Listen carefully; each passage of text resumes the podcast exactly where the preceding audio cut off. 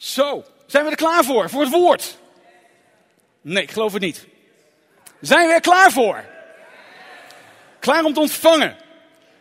Twee weken terug gesproken over vijf pilaren van ons leven, maar ook van het gemeenteleven.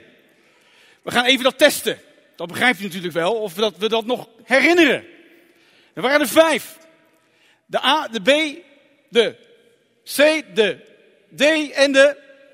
En de A staat voor aanbidding. Dat is een pilaar in je leven. Onvoorstelbaar belangrijk en ook in de gemeente. De B van? Heel goed, barmhartigheid. De C van? Community. Een beetje een moeilijker woord, maar daar gaan we zeker nog meer bij stilstaan. De D van? Discipelschap. Dit is een noodzaak in je leven. Ook in de gemeente. En dan de laatste E van? Evangelisatie. En zo'n kerstavond, dan zie je gelijk barmhartigheid, de pilaar van barmhartigheid, de E van evangelisatie, dat komt allemaal bij elkaar. En natuurlijk ook de C van community. En we gaan ook A, de A van aanbidding. Je ziet al die dingen zie je dan terugkomen in zo, op zo'n avond. En dit is zo belangrijk dat we dit gaan En vandaag wil ik stil gaan staan bij de eerste pilaar. En dat is de A van aanbidding. Heel goed. Um, een volgeling van Jezus. Want we hebben wel eens uitgelegd. Je, kan een christen zijn. Een naamchristen. Stond ik hier beneden, kun je je nog herinneren? Een naamchristen. Dan geloof je op zich wel. Maar je houdt je eigenlijk niet echt bezig met het geloof. Je gelooft wel, maar het is nou niet echt heel bepalend in jouw leven. En dan heb je christenen, die zijn al wat serieuzer, die gaan al wat vaker naar de kerk. Meer dan één keer per jaar. En dat zijn christenen en die proberen echt wel hun best te doen. Maar dan hebben we ook de volgelingen, de volgelingen van Jezus, die gaan er echt voor. Net zoals het woord wat Greta met ons deelde. Zij willen graag dat de wil van de Vader gebeurt in hun leven. Hun eigen wil maken zich ondergeschikt aan de wil van de Vader. Dat is een volgeling van Jezus. En een volgeling van Jezus is voortdurend bezig om een gezonde balans te vinden als een geestelijke volwassene. Want alles wat niet in balans is, is ziek, is ongezond. En daarom hebben we die vijf pilaren nodig in ons leven en ook in het gemeenteleven. En dat zijn dan die steunpilaren, die draagmuren. Zo niet, als er bepaalde pilaren ontbreken in je leven, wat gebeurt er dan? Dan ga je scheef groeien. Een babytje die pas geboren is, die wordt constant in de gaten gehouden, die wordt gemonitord, er wordt gemeten. Gaat alles nog goed? Is de balans aanwezig? Zitten ze nog op die groeicurve? Alles wordt goed in de gaten gehouden. Balans is ontzettend belangrijk in je leven. Als er onbalans is, dan is er onvrede en dat is niet fijn. Nou, de preek van vandaag, hè, aanbidding als een levensstijl. Voordat ik met aanbidding ga beginnen, is misschien ook wel goed om even stil te staan. Wat betekent nou een levensstijl? Een levensstijl is de manier van het inrichten van jouw leven. Waarmee vul je je lichaam? Waarmee vul je je ziel? En waarmee vul, vul je je geest? want wij bestaan uit een geest, een ziel en een lichaam. Waarmee vul je jezelf? Want wat ik ook vorige keer heb gezegd, je input bepaalt je output. Je input bepaalt je output. Wat je erin stopt, komt er op een gegeven moment ook weer uit. Hoe zorg je ervoor voor een gezond lichaam? Wat stop je in je lichaam? Voedsel. Ja, belangrijk is wat voor voedsel. Gezond voedsel of ongezond voedsel. Want je input bepaalt je output. Heel belangrijk. Wat, waar vul je je ziel mee? Waar kijk je naar? Waar luister je naar? Want je ziel bestaat uit je wil, je emotie, je gedachten. Waarmee vul je die? Want ook daarmee, dat wat je erin stopt, dat komt er ook weer uit. En zo ook met je geest. Wat vul je, waar vul je geest mee? En wat heeft je geest nodig? Je geest heeft waarheid nodig. Je waarheid nodig. Je ziel heeft die onvoorwaardelijke liefde van God nodig. Daar hunk je naar, die bescherming, die veiligheid. Oké, dat is die aanbidding. Aanbidding als een levensstijl. Wat houdt aanbidding precies in? Aanbidding is iemand eren om wie hij of zij is. Die wil je eren. En dat komt door vanwege zijn prestaties, zijn grootheid, zijn macht, zijn superioriteit en zijn verhevenheid. Waarbij de aanbidder een houding aanneemt van onderdanigheid, van ontzag en grote bewondering. Wat je merkt, is op de een of andere manier is daar een hunkering in elk mens om een idool te hebben. Iemand naar wie je opkijkt. Waar je ontzag voor hebt. Zo zit de mens in elkaar. Zo zijn wij gemaakt door God. Wij hebben iets nodig om tegenop te kijken. En wij snappen als christenen wie dat behoort te zijn. Maar als wij zonder God leven, dan gaat die aandacht, datgene wat in ons is, gaat dan naar andere mensen toe, organisaties toe. En dan gaan we ons, onze aanbidding zoeken in personen. Popsterren. Popsterren, belangrijke mensen wereldwijd bekend. En daar dwepen we dan mee. Vroeger was daar zo'n programma Idols. Idols, idolen. Sporters worden op een schild gehezen. Voetbalclubs, we zitten in de schaduw van Feyenoord. Ik ben een Feyenoorder. Ik ben een fan van Feyenoord. Maar het is niet mijn idool. Er is een groot verschil tussen een fan, een hobby of echt een idool. En ik weet nog goed dat er een, een jongen was, een vriend van mij. En die was helemaal weg van Feyenoord. Alles werd beheerst door die voetbalclub Feyenoord. Als je zijn huis binnenkwam, alles was Feyenoord. En deze jongen, die was zo helemaal bezig met Feyenoord dat hem zijn leven beheerste. Het domineerde zijn leven. En als Feyenoord gewonnen had, dan was dan zijn dag kon niet meer stuk. Maar als Feyenoord verloor, en dat gebeurde nog wel eens, dan was hij zelfs de dag erna, op een maand was hij ziek. Helemaal ziek. Echt gewoon dat hij zich af en toe gewoon ziek meldde van zijn werk. Wow. Maar zo kan iemand beheerst worden door iets wat buiten hem is, waar hij helemaal, helemaal, ja, gefixeerd op is. Je wil daar niets van missen. Je, hebt ervoor over om zelfs midden in de nacht al voor de ticketverkoop daar te liggen.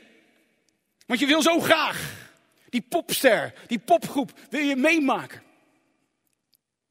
Het bepaalt volkomen je levensstijl. En het bijzondere is, in het Nieuwe Testament wordt het woordje aanbidden ook gebruikt. En is een heel bijzonder woord. Een leuk woord. Een, een bijzonder woord. En dat staat 54 keer in het Nieuwe Testament. En dat woord, dat is proscunu. ik, ben niet, ik kan niet Grieks uitspreken. Proscuneo. Proscuneo. Moeilijk woord. Proscuneo. En dat staat dus voor aanbidding. Dat staat voor eerbied, dat staat voor buigen, neerwerpen, smeekbeden. En tevens werd dat woord gebruikt voor het volgende. En dat had te maken met een hond. Met een hond. Wie heeft er een hond? Ja, wat kan je gek zijn van je beest, hè? Maar mijn dochter mijn, en mijn schoon, die hebben ook een hond, Rosa. En, en dat beest is zo leuk, zo lief. En wat gebeurt er als wij dan op bezoek komen?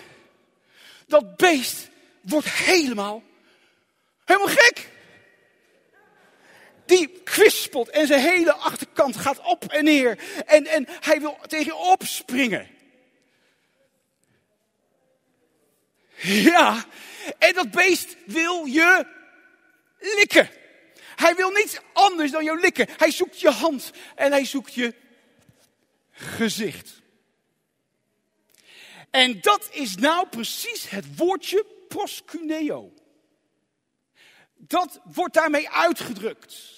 Die aanbidding, die aandacht. Want daarmee zegt een hond, jij bent mijn meerdere. Jij bent de baas van de roedel. En op die manier toon ik mijn onderdanigheid aan jou. Ik lik jou. Ik lik jou. Ik lik jou. Hoeveel procent van al die hondenbezitters vinden het niet erg om op die manier gelikt te worden? Weet je hoeveel? 1 procent? Iets hoger. 100, nou dat is wel heel erg veel. 100 is het is ergens tussen de 1 en de 100. 50 procent. De helft vindt het niet erg om op die manier gewoon. Nou, dit vind ik wel heel heftig hoor. Vind ik wel heel heftig. Maar dat laat iets zien dat proscuneo. Dat heeft te maken met die aanbidding. Dat, dat die aandacht. Dat, dat van, oh, je bent helemaal mijn held. En heeft u wel eens een verliefd stelletje gezien? Vast wel, vast wel. En dat is het volgende plaatje. En dat is, uh, verliefde stelletjes kunnen zo vreselijk klef zijn. Heeft u dat wel eens meegemaakt? De kleffigheid druipt er van af. Proscuneo. Proscuneo. Nou, en dat is natuurlijk erg leuk. Maar, zodra datgene, of diegene, de plek gaat innemen van God, wat wordt het dan? Afgoderij. Afgoderij. En dit is precies wat God zegt. Nee, dit wil ik absoluut niet. Dat wil ik absoluut niet. Want een aantal kenmerken van het aanbidden van God.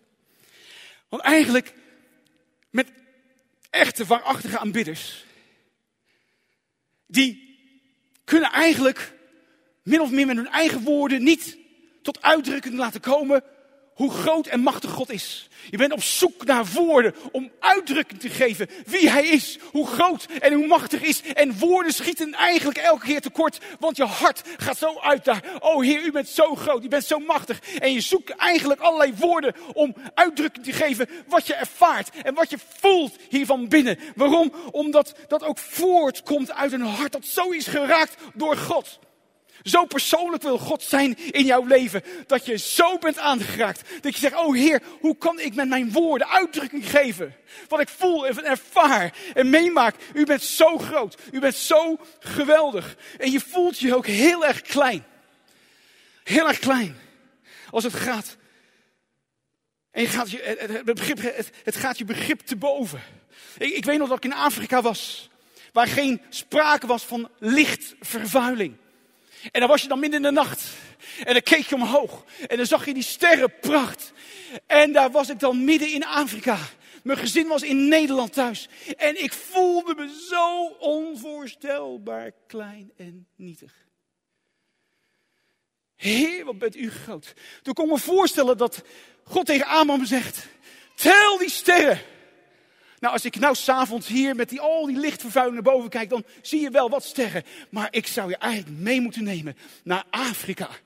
Daar waar die lichtvervuiling amper aanwezig is. En dan zie je eigenlijk wat werkelijk God heeft bedoeld. Want stel die sterren, dat is zo onvoorstelbaar mooi. En dan word je zo klein. En dan kan je maar één ding doen. Zeg, Heer, wat bent u onvoorstelbaar groot. Daar is een ontzag, daar is een fascinatie, daar is een verwondering. Het is adembenemend, het is ontzagwekkend.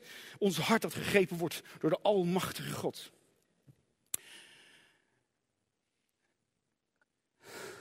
Heer, u bent zo groot. Aanbidding is een uiting van een liefdevol eerbetoon en ontzag voor die eeuwige God.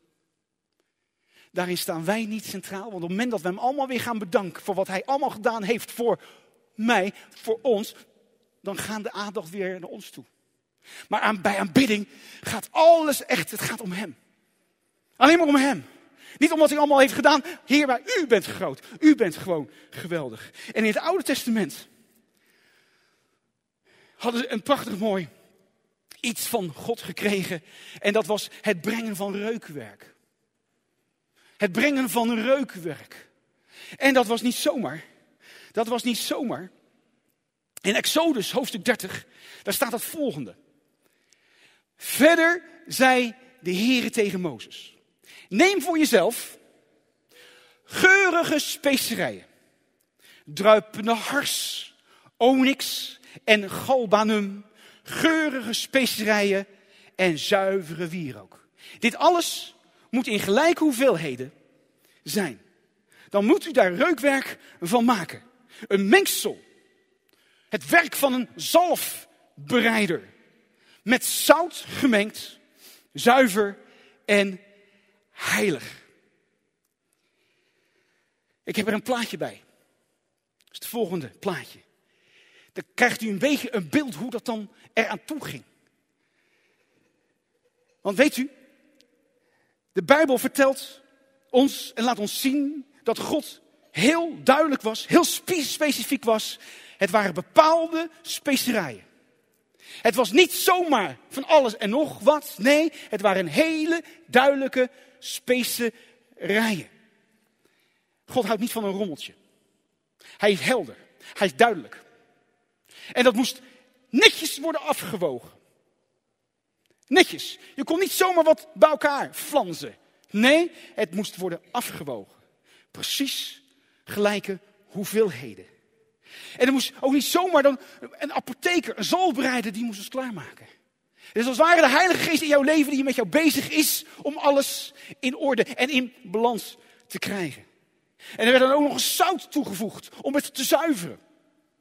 Het, het was zelfs verboden om dat geurwerk na te maken.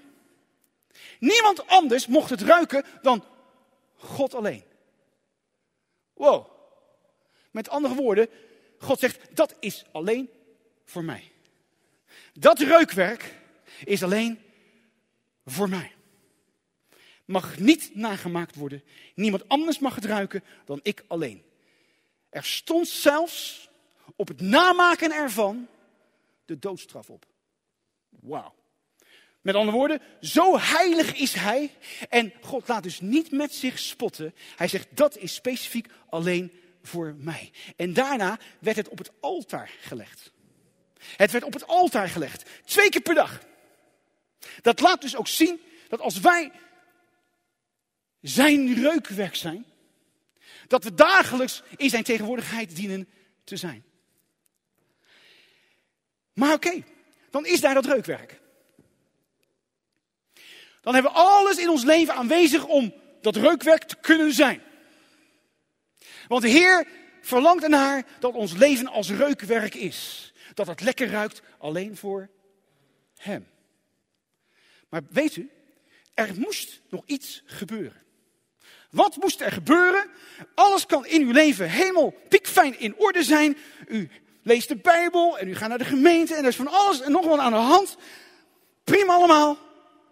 Maar er moet nog iets gebeuren. Wanneer gaat het echt ruiken? Wat moest er gebeuren met het reukwerk? Wat moest er mee gebeuren? Kijk eens naar het plaatje. Het moest gaan branden. Het moest aangestoken worden. En dan pas ging het ruiken, kwam er rook vrij. En de rook die verspreidde zich over de tabernakel. En dat bracht die geur. Met andere woorden, je kan alles in jouw leven compleet hebben. Maar als er geen vuur is. Als je leven niet in vuur en vlam staat voor Jezus, zal je niet datgene voortbrengen aan geur voor Jezus zoals dat bedoeld is. Het is onvoorstelbaar belangrijk dat jij jouw leven in vuur en vlam hebt staan voor koning Jezus. Zo niet, dan missen we iets in ons leven. En dat is denk ik ook de kern van aanbidding. Dat jouw leven helemaal in vuur en vlam staat voor Jezus. Opdat de geur van Jezus zich gaat verspreiden in je leven, in je huwelijk, in je gezin en op je werk en in de stad en in Nederland. De geur van Jezus moet geroken gaan worden. En dat kan alleen door jouw leven heen. Ruik je lekker? Vraag eens aan je buurman en je buurvrouw, ruik jij lekker? Ruik je lekker? Ruik je een beetje naar Jezus? Staat jouw leven in vuur en vlam voor Jezus? Of is het allemaal koud geworden? En ligt het wel op het altaar, maar het vuur is er nog niet bijgekomen? En dat is precies ook het woord voor vandaag.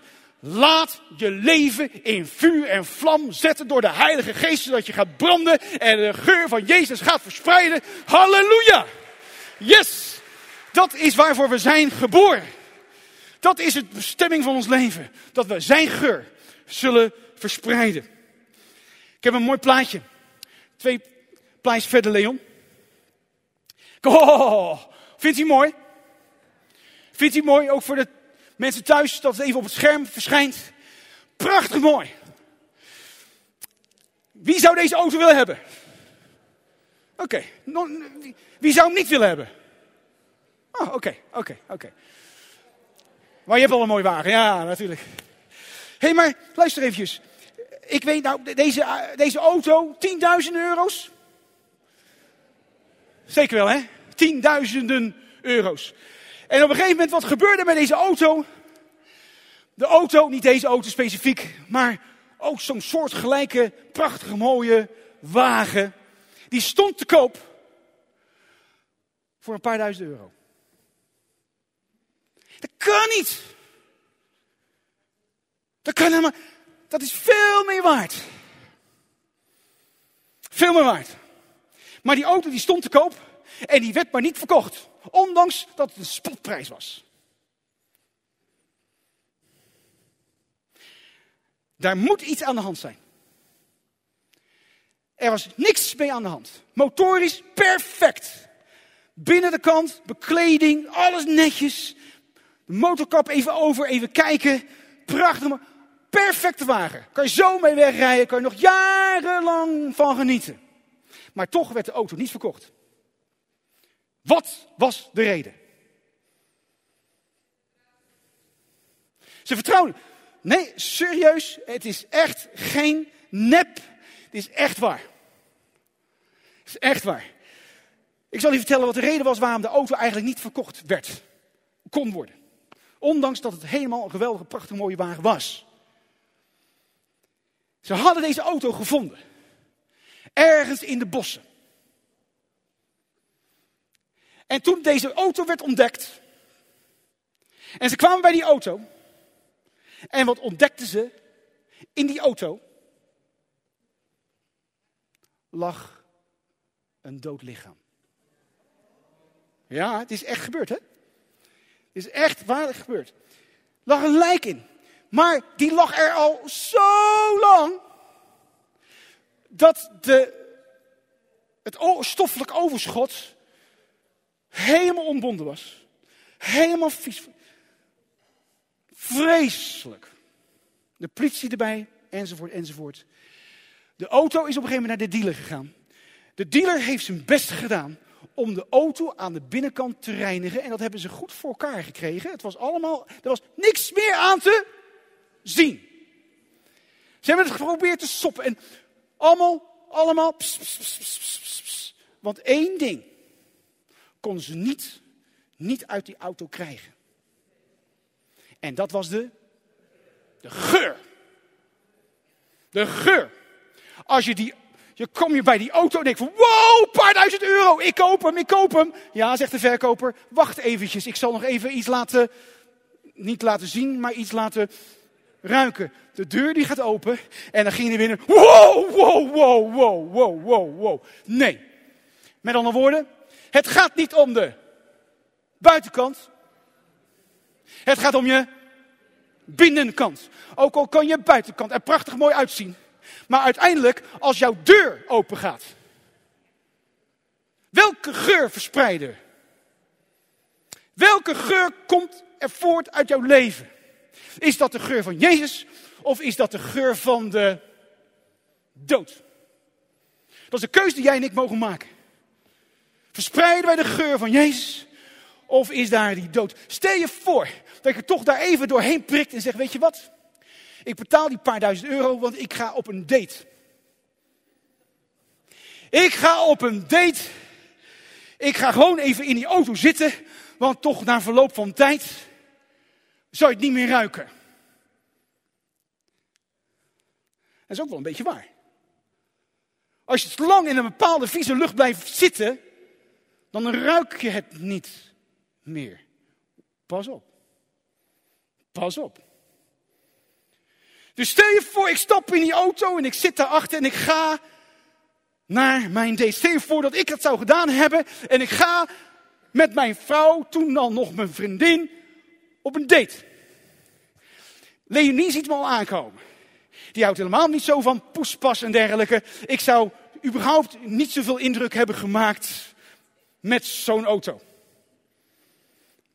Doe normaal. Doe je al gek genoeg. Nee, nee, nee. Ik maak, maar toch, stel voor, ik ben een man.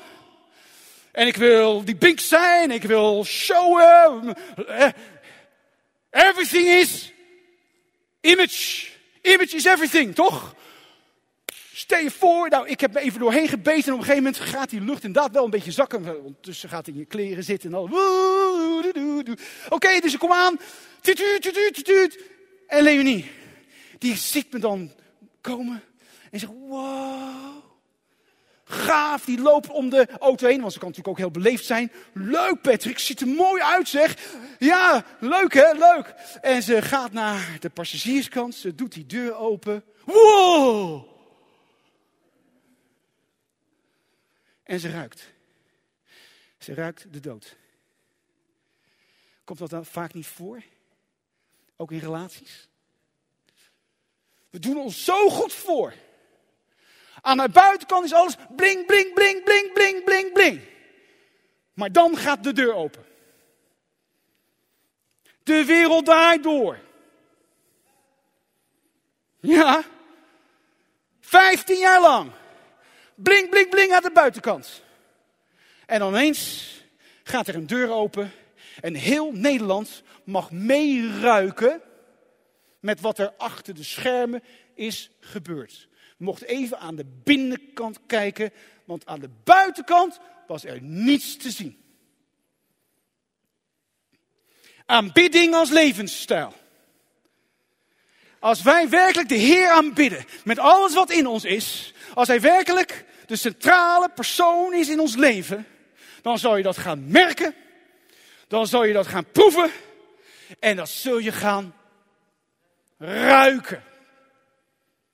Dan is het plezierig om jouw aanwezigheid te zijn. Dan word je niet uitgekafferd, dan word je niet uitge, weet ik het, uitgekotst, wat er ook is gebeurd.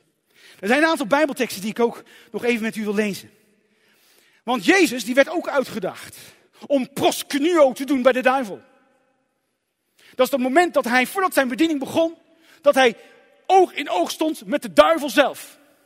En de duivel die zit op zijn troon. Hij heeft de wereld in zijn greep. We zien dat bij een Poetin. En we zien dat de wereld is in de greep van de duisternis. Maar wij zijn dat licht.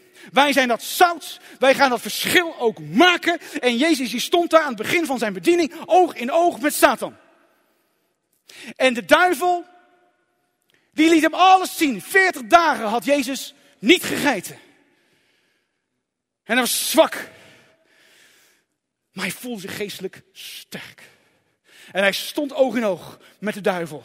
En wat vraagt de duivel, nadat hij al die koninkrijken van de wereld laten zien, met al hun macht en al hun rijkdom, en dan zei hij tegen Jezus, dat geef ik je allemaal. Maar, als je voor mij, dan moet je wel voor mij neerknielen en mij aanbidden.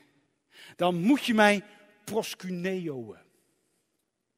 Zoals een hond naar zijn baasje toe gaat likken. En Jezus zegt, doe jij even... Wat zegt hij heel netjes? Ga weg, duivel! Wat nou? Denk, je echt dat ik voor jou gebuigen en je als een hond gaat likken? Echt niet. Is dat ook onze houding? Echt niet. Duivel, wegwezen jij. Dan zeggen we nog heel erg lief. Wegwezen. Weg uit mijn leven. Geen proscuneo voor jou. Ik ben geen hond die jou gaat likken. Er is maar één persoon Eén persoon waar ik werkelijk echt voor ga. Die ik centraal wil stellen in mijn leven. Aanbid die Heer, God. En dien alleen Hem. Dat zijn woorden voor ons als een pilaar opgericht is van aanbidding in ons leven. Dat zal het verschil gaan maken in jouw leven en je zal nooit meer dezelfde zijn. Waarom? Omdat God centraal gaat komen in jouw leven. Zijn wil gaat dan geschieden door jouw leven. Je gaat niet meer stinken. moment dat jouw deuren worden opengezet en de geur naar buiten kan stromen. Want nogmaals, het gaat om die binnenkant. Er zijn zoveel dingen om de Heer voor te danken. Heer, dank u wel voor uw scheppingskracht. Heer, u bent zo groot. Uw creativiteit is zo geweldig. Heer, dank u wel voor uw wijsheid, uw kennis en uw verstand. Heer, dank u wel voor uw eeuwige plan. Met de schepping. Heer, dank u wel voor uw rechtvaardigheid. Heer, dank u wel voor uw liefde. Voor uw liefde. Heer, dank u wel voor uw alwetendheid. Heer, dank u wel voor het feit dat u een schouwplaats bent voor ons. Heer, dank u wel, u bent het licht. De zon van alle gerechtigheid. U bent heilig. U bent volmaakt. Heer, dank u wel, u kan niet liegen. U kan niet liegen. Uw woord is waarheid. U bent rijkdom. U, de, de liefde van Christus Jezus verandert ons. U heeft de naam boven alle namen. U bent het hoofd van de gemeente. U bent de weg, de waarheid, het leven. U bent de alfa en de omega, het begin en het einde. Door u is alles geschapen. Dank u wel daarvoor. Heer, dank u wel. U bent een goede herder. U bent het licht van de wereld. U bent het brood van het leven. U bent de ware wijnstok. Hij is onze vrede. Hij is onze gerechtigheid. Hij is de verzoening met de Vader. Hij is, hij was en hij komt. Hij maakt alle dingen nieuw. Zullen we een moment nemen om hem groot te maken? Halleluja, dank u wel, Heer Jezus. Dat bent u allemaal. Halleluja. Dank u wel, Jezus. Oh, dat is aanbidding. Dat is aanbidding. Dat is aanbidding. En God heeft ook een houding. Daar staan we misschien nog niet zozeer bij stil. Maar God heeft een houding ten opzichte van aanbidding als ontvanger van alle aanbidding. En het eerste is, alleen God, dat is volgende plaatje Leon, alleen God komt aanbidding toe. Alleen God komt aanbidding toe. En ten tweede, God is zoekende. God is zoekende naar echte aanbidders. En dat zoekende heeft te maken met die Bijbeltekst. Maar de tijd komt en is nu dat de ware aanbidders de Vader zullen aanbidden in geest en in waarheid. Want de Vader zoekt wie hem zou aanbidden. Dus God is op zoek naar jou. Als jij hem aanbidt en je bent werkelijk echt in die geest en die waarheid bezig. Geest in de zin van dat je contact hebt met je geest. Met het bovennatuurlijke, want God is geest. En met je geest heb je dus contact. Maar hij wil dat je ook hem benadert vanuit die waarheid. Niet vanuit leugen, maar waarheid. Want geest en waarheid gaan samen. En dus God is zoekende naar echte aanbidders. En dat is een zoeken totdat je het gevonden hebt. Mijn vrouw kan vreselijk goed zoeken. Ik kan minder goed zoeken. Waarom? Misschien ook wel omdat Leonie heeft een houding. Als hij iets gaat zoeken, is ze vastbesloten om het te vinden. En misschien geef ik wat sneller op.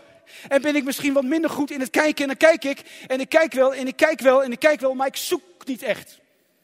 Maar Jeleni is dan veel beter in dat zoeken. Want dan halen ze alle potjes en pannetjes. En halen ze de dingen weg. Want het kan ook daar achter zitten en, en God die is aan het zoeken. Die haalt dingen weg om jou te ontmoeten, jou te ontdekken. Met andere woorden, als jij zegt over jezelf, ik, ik voel niks, ik ervaar niks. Dan zeg je, maar God die zoekt jou. God zoekt jou. Hij zoekt een echte, waarachtige aanbidder. Als je maar komt in die geest en ook in die waarheid. En God laat zich ten derde ook aanbidden. God laat zich aanbidden. In de Bijbel zie je, als er, een, als er mensen voor een engel knielden, wat zei dan de engel? Sta op. Want voor mij moet je niet knielen. Maar zodra het Jezus was, dan mocht er wel geknield worden. En God kan namelijk ten vierde ook niet uitstaan dat onze aanbidding uitgaat naar iets anders. Hij vindt het vreselijk. Hij zegt nee, de echte aan mij komt alle aanbidding toe. Hij is daar heel, heel streng. Heel determined zouden ze in Engeland zeggen. Ik wil met u zes vereisten, en dan ga ik het dan ook mee afronden. Zes vereisten van aanbidding als een levensstijl. Leon, ik hoop dat je die kan vinden. Daar staat de vereisten van aanbidding. De vereisten van aanbidding. Even doorscrollen en dan zul je tegenkomen. Leni vertelde al, we gaan Thanksgiving vieren.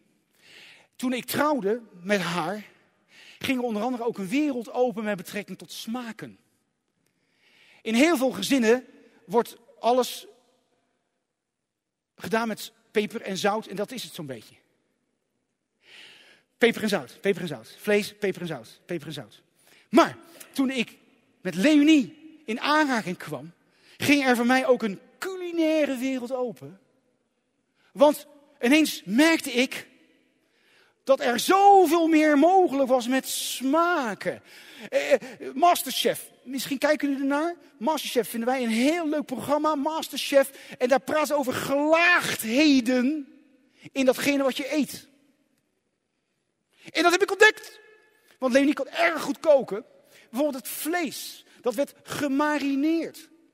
Wist ik veel dat je dat kan marineren. Ik wist niet eens wat het was. Maar dat het helemaal ingevregen en dat bleef dan even staan. En dat bracht allemaal laagjes van smaken in dat vlees. Heerlijk, die umami smaak. Ze is nu bezig met zwarte knoflook. Zwarte knoflook. Maar heerlijk. Oh, jullie krijgen trek, hè?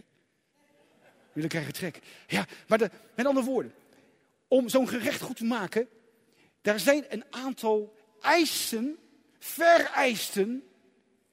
Want anders kun je nooit die gelaagdheden gaan brengen in die voeding. Wie begrijpt me? Wie koken hier een beetje? Die snappen wat ik bedoel. Dat, is, niet, dat is een art. Ja? Dat is niet zomaar even iets. Dit is, och jongens, Mm, masterchef. Heerlijk om dat allemaal. Dus daar zijn vereisten die nodig zijn om die gelaagdheden aan te brengen in de voeding. En zo is het ook met aanbidding. Aanbidding is niet zomaar het zingen van een liedje. Als wij denken dat aanbidding de liedjes zijn op een zondag, uh, uh, fout. Echt niet. Het is een levensstijl. En er zijn een aantal vereisten. Het eerste vereiste is, je gaat wel heel snel nu, vereiste nummer 1, zijn aanwezigheid is vereist. Wat bedoel ik daarmee? Aanbidding kan alleen in de tegenwoordigheid, in de aanwezigheid van God zelf. Als God niet aanwezig is, kunnen we Hem ook niet aanbidden. Begrijpt wat ik bedoel? Goed luisteren wat ik zeg. Als God niet aanwezig is, kun je Hem ook niet aanbidden. Je kan Hem prijzen, je kan hem danken, maar niet aanbidden. Want aanbidding heeft de aangebedene nodig om te kunnen aanbidden. Want er moet geknield worden, er moet gebogen worden. Dat doe je in de tegenwoordigheid van die persoon. We kunnen niet zomaar ook het paleis binnengaan. Er is een protocol. Je kan niet zomaar even de tegenwoordigheid van God binnengaan. Alsof, hallo, hier ben ik, hallo God. Nee, God is heilig. Daar is een protocol. Daar zijn een aantal vereisten. Die er zijn om in zijn tegenwoordigheid ook te kunnen komen. Esther, die kon niet zomaar bij de koning komen. Dat was een protocol. Ze heeft gebeden en gevast. En hoopte dat de koning zijn scepter zou uitstrekken. Opdat ze hem zou kunnen aanraken. Opdat ze niet gedood zou worden. Met andere woorden, soms gaan wij te nonchalant te makkelijk met God om. Daar is een protocol, daar is een vereiste. Dus als wij hem werkelijk willen aanbidden in geest en in waarheid, en de Vader zoekt ons om dat ook mogelijk te maken, dan, heeft, dan is die aanwezigheid nodig. En dat, en dat dat zichtbaar mag zijn in jouw leven. Als God niet aanwezig is in jouw leven, kun je hem ook niet aanbidden. Dat is eigenlijk de conclusie. Als God niet aanwezig is in jouw leven, dan kun je hem danken, je kan hem prijzen, maar niet aanbidden. En wat heeft aanbidding nog meer nodig als die vereisten, als die ingrediënten? Ten tweede, jouw hart. Je hart.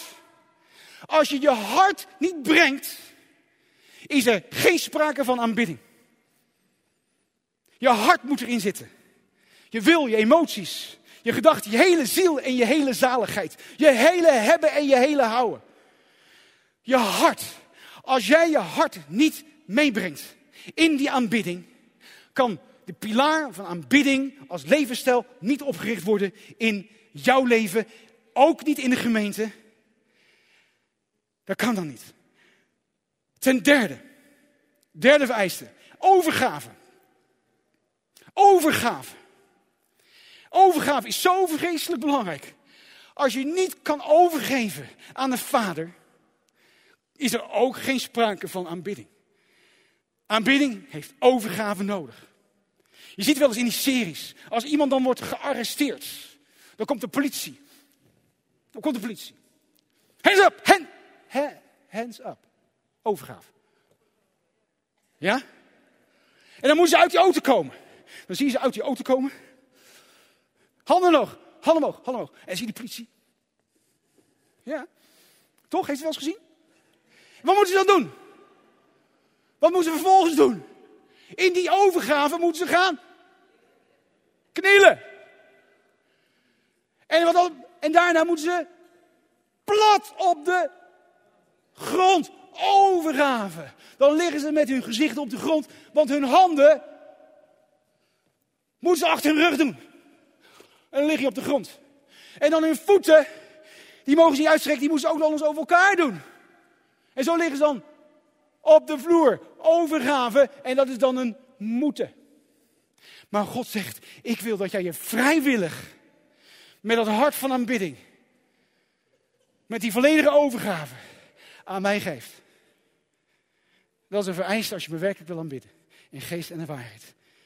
Ten vierde, vierde vereiste, laagje voor laagje, is gehoorzaamheid. Zonder gehoorzaamheid, forget it. Als je toch altijd maar je eigen wil, wil, wil blijven doen, gaat niet gebeuren. Wat Greta hier vertelt, toen hij de mic overnam. De wil. Doe mijn wil. Vijf, nummertje vijf, toewijding. God verlangt niet naar een knipperlicht relatie. Hij, wil graag dat jij je betrokkenheid toont. Je inzet toont. Intense, trouwe, diensten en verantwoordelijkheid aanvaarden de inzet. Dat is toewijding. En als laatste vereiste, vertrouwen. Je vertrouwen. Dit is cruciaal. Dit is cruciaal in jouw aanbidding. Als je God niet ten diepste vertrouwt, kun je hem ook niet aanbidden. Hij vindt het afschuwelijk als je hem niet vertrouwt. Vindt hij heel erg. Vertrouw je me niet? Ik, de schepper van hemel en aarde. Ik wil jou voor jou zorgen. Ik ben er voor jou. Ik heb door mijn zoon laten zien, hij is gestorven aan het kruis. Liefde voor jou. En dan nog vertrouw je me niet altijd? Ja, maar Heer, mijn gezondheid. Ja, maar Heer, mijn financiën. Ja, Heer, maar de toekomst. Oh, Heer, al die oorlogen, eh, de pandemieën, alle. Uh, ga je zorgen maken? Of vertrouw je me? Of vertrouw je me echt? Vertrouw je me echt? Want op het moment dat je me niet vertrouwt, twijfel je aan mijn integriteit. Die moet je opschrijven. Die moet je echt opschrijven. Als je God niet vertrouwt, niet ten volle vertrouwt, twijfel je aan de integriteit van God. Zo. Dan zeg je eigenlijk, Heer, ik twijfel aan u of u werkelijk wel bent die u zegt dat u bent in uw woord. Oeps. En dat doet bij God pijn. Want God kan ook pijn hebben. Hij wil zo graag bij jou komen. Hij wil zo graag in jouw leven komen. En misschien, ik heb net het voorbeeld gegeven over die auto. Ik weet niet hoe het bij jou binnen ruikt. Menselijk gesproken was er niets met die auto te doen. Die geur bleef hangen. Die geur bleef hangen. Misschien heb jij al van alles geprobeerd om die geur, die doodsgeur van verslaving, van porno, van, van alles wat maar in jouw leven je beheerst, om er vanaf te komen. En het stinkt van binnen. Aan de buitenkant is misschien allemaal geweldig, maar van binnen ben je leeg en voel je je doods en voel je je afgewezen. En is daar pijn vanuit je kinderjaren, wat een moeder tegen je hebt gezegd, wat een vader tegen je heeft gezegd en wat hij niet heeft gezegd. Wat je graag had willen horen. Hoe je op het werk wordt gekleineerd. Hoe je naar beneden wordt gehaald. En je voelt je zo klein. En aan de buitenkant probeer je nog je best te doen om er wat van te maken. Maar diep van binnen voel je klein. En voel je aangeslagen. En voel je wanhopig. En voel jezelf ook stinken. Je voelt je vies. En je voelt je vuil hier van binnen. Aan de buitenkant niet te zien maar die binnenkant. Want het gaat om die binnenkant. Het enige wat ze niet hebben geprobeerd, weet je wat het is? Stel je voor dat jij zelf die auto hebt en je bent daar. Laten we naar de dealer van Jezus gaan. Jezus als die dealer. Jezus als die autodealer. Die als geen ander weet hoe je een auto echt moet reinigen. Laat hem dan binnenkomen in die auto waar het zo stinkt. Waar je, laat hem dan binnenkomen aan die binnenkant. Ook al doe je die deur open en die geur, die komt ineens, al die viezigheid en vuiligheid, die stroomt naar buiten. Jezus deinst daar niet voor terug. Echt niet. Hij houdt van je. Hij is voor jou gestorven. En dan komt hij binnen. En dan gaat hij komen met iets wat zoveel krachtiger is dan wat voor demon en wat voor kracht en macht ook is. En dat is zijn bloed. Hij reinigt ons met zijn bloed. Hij heeft uitgeroepen, het is volbracht. Nog een keer, het is volbracht En hij komt met zijn liefde. En hij komt met zijn genade. Hij komt met zijn verzoening. En hij wil je schoonwassen. En als jij zegt, ja, ik zit zo vast. Ik heb het zo zwaar. Ik heb het zo moeilijk. Ik heb gebed nodig. Als jij dat bent, steek je vinger omhoog. Als jij zegt, ja, ik heb, ik heb hulp nodig. Ik heb gebed nodig. Dan zijn hier mensen, ja, kom maar. Kom maar gauw naar voren. Als jij ervaart, ik heb hulp nodig. Ik heb gebed nodig. Ik zit vast. Ik stink van binnen. Ik loop muurvast met mezelf. Kom maar, kom maar naar voren als jij dat ervaart. Ik wil dingen nieuw maken, zegt de Heer. Ik maak nieuwe, ik maak dingen nieuw. Ik maak het in jouw leven nieuw. Ik ga verandering brengen. Ik ga je hoop geven. Ik ga je hoop geven. Ik ga je een nieuwe toekomst geven. Als je jezelf maar opent voor mij. Als je jezelf maar opent voor mij, laat mij binnenkomen in jouw leven. Is er iemand anders die zegt, ja jongens, ik heb gebed nodig. Ik heb het zwaar. Ik heb het moeilijk. Dan wil ik je vragen, kom uit die rijen. Kom maar naar voren. Helemaal niet erg. Schaam je niet. Schaam je niet voor hem. Want hij wil komen in jouw leven. Als jij ervaart, ja, ik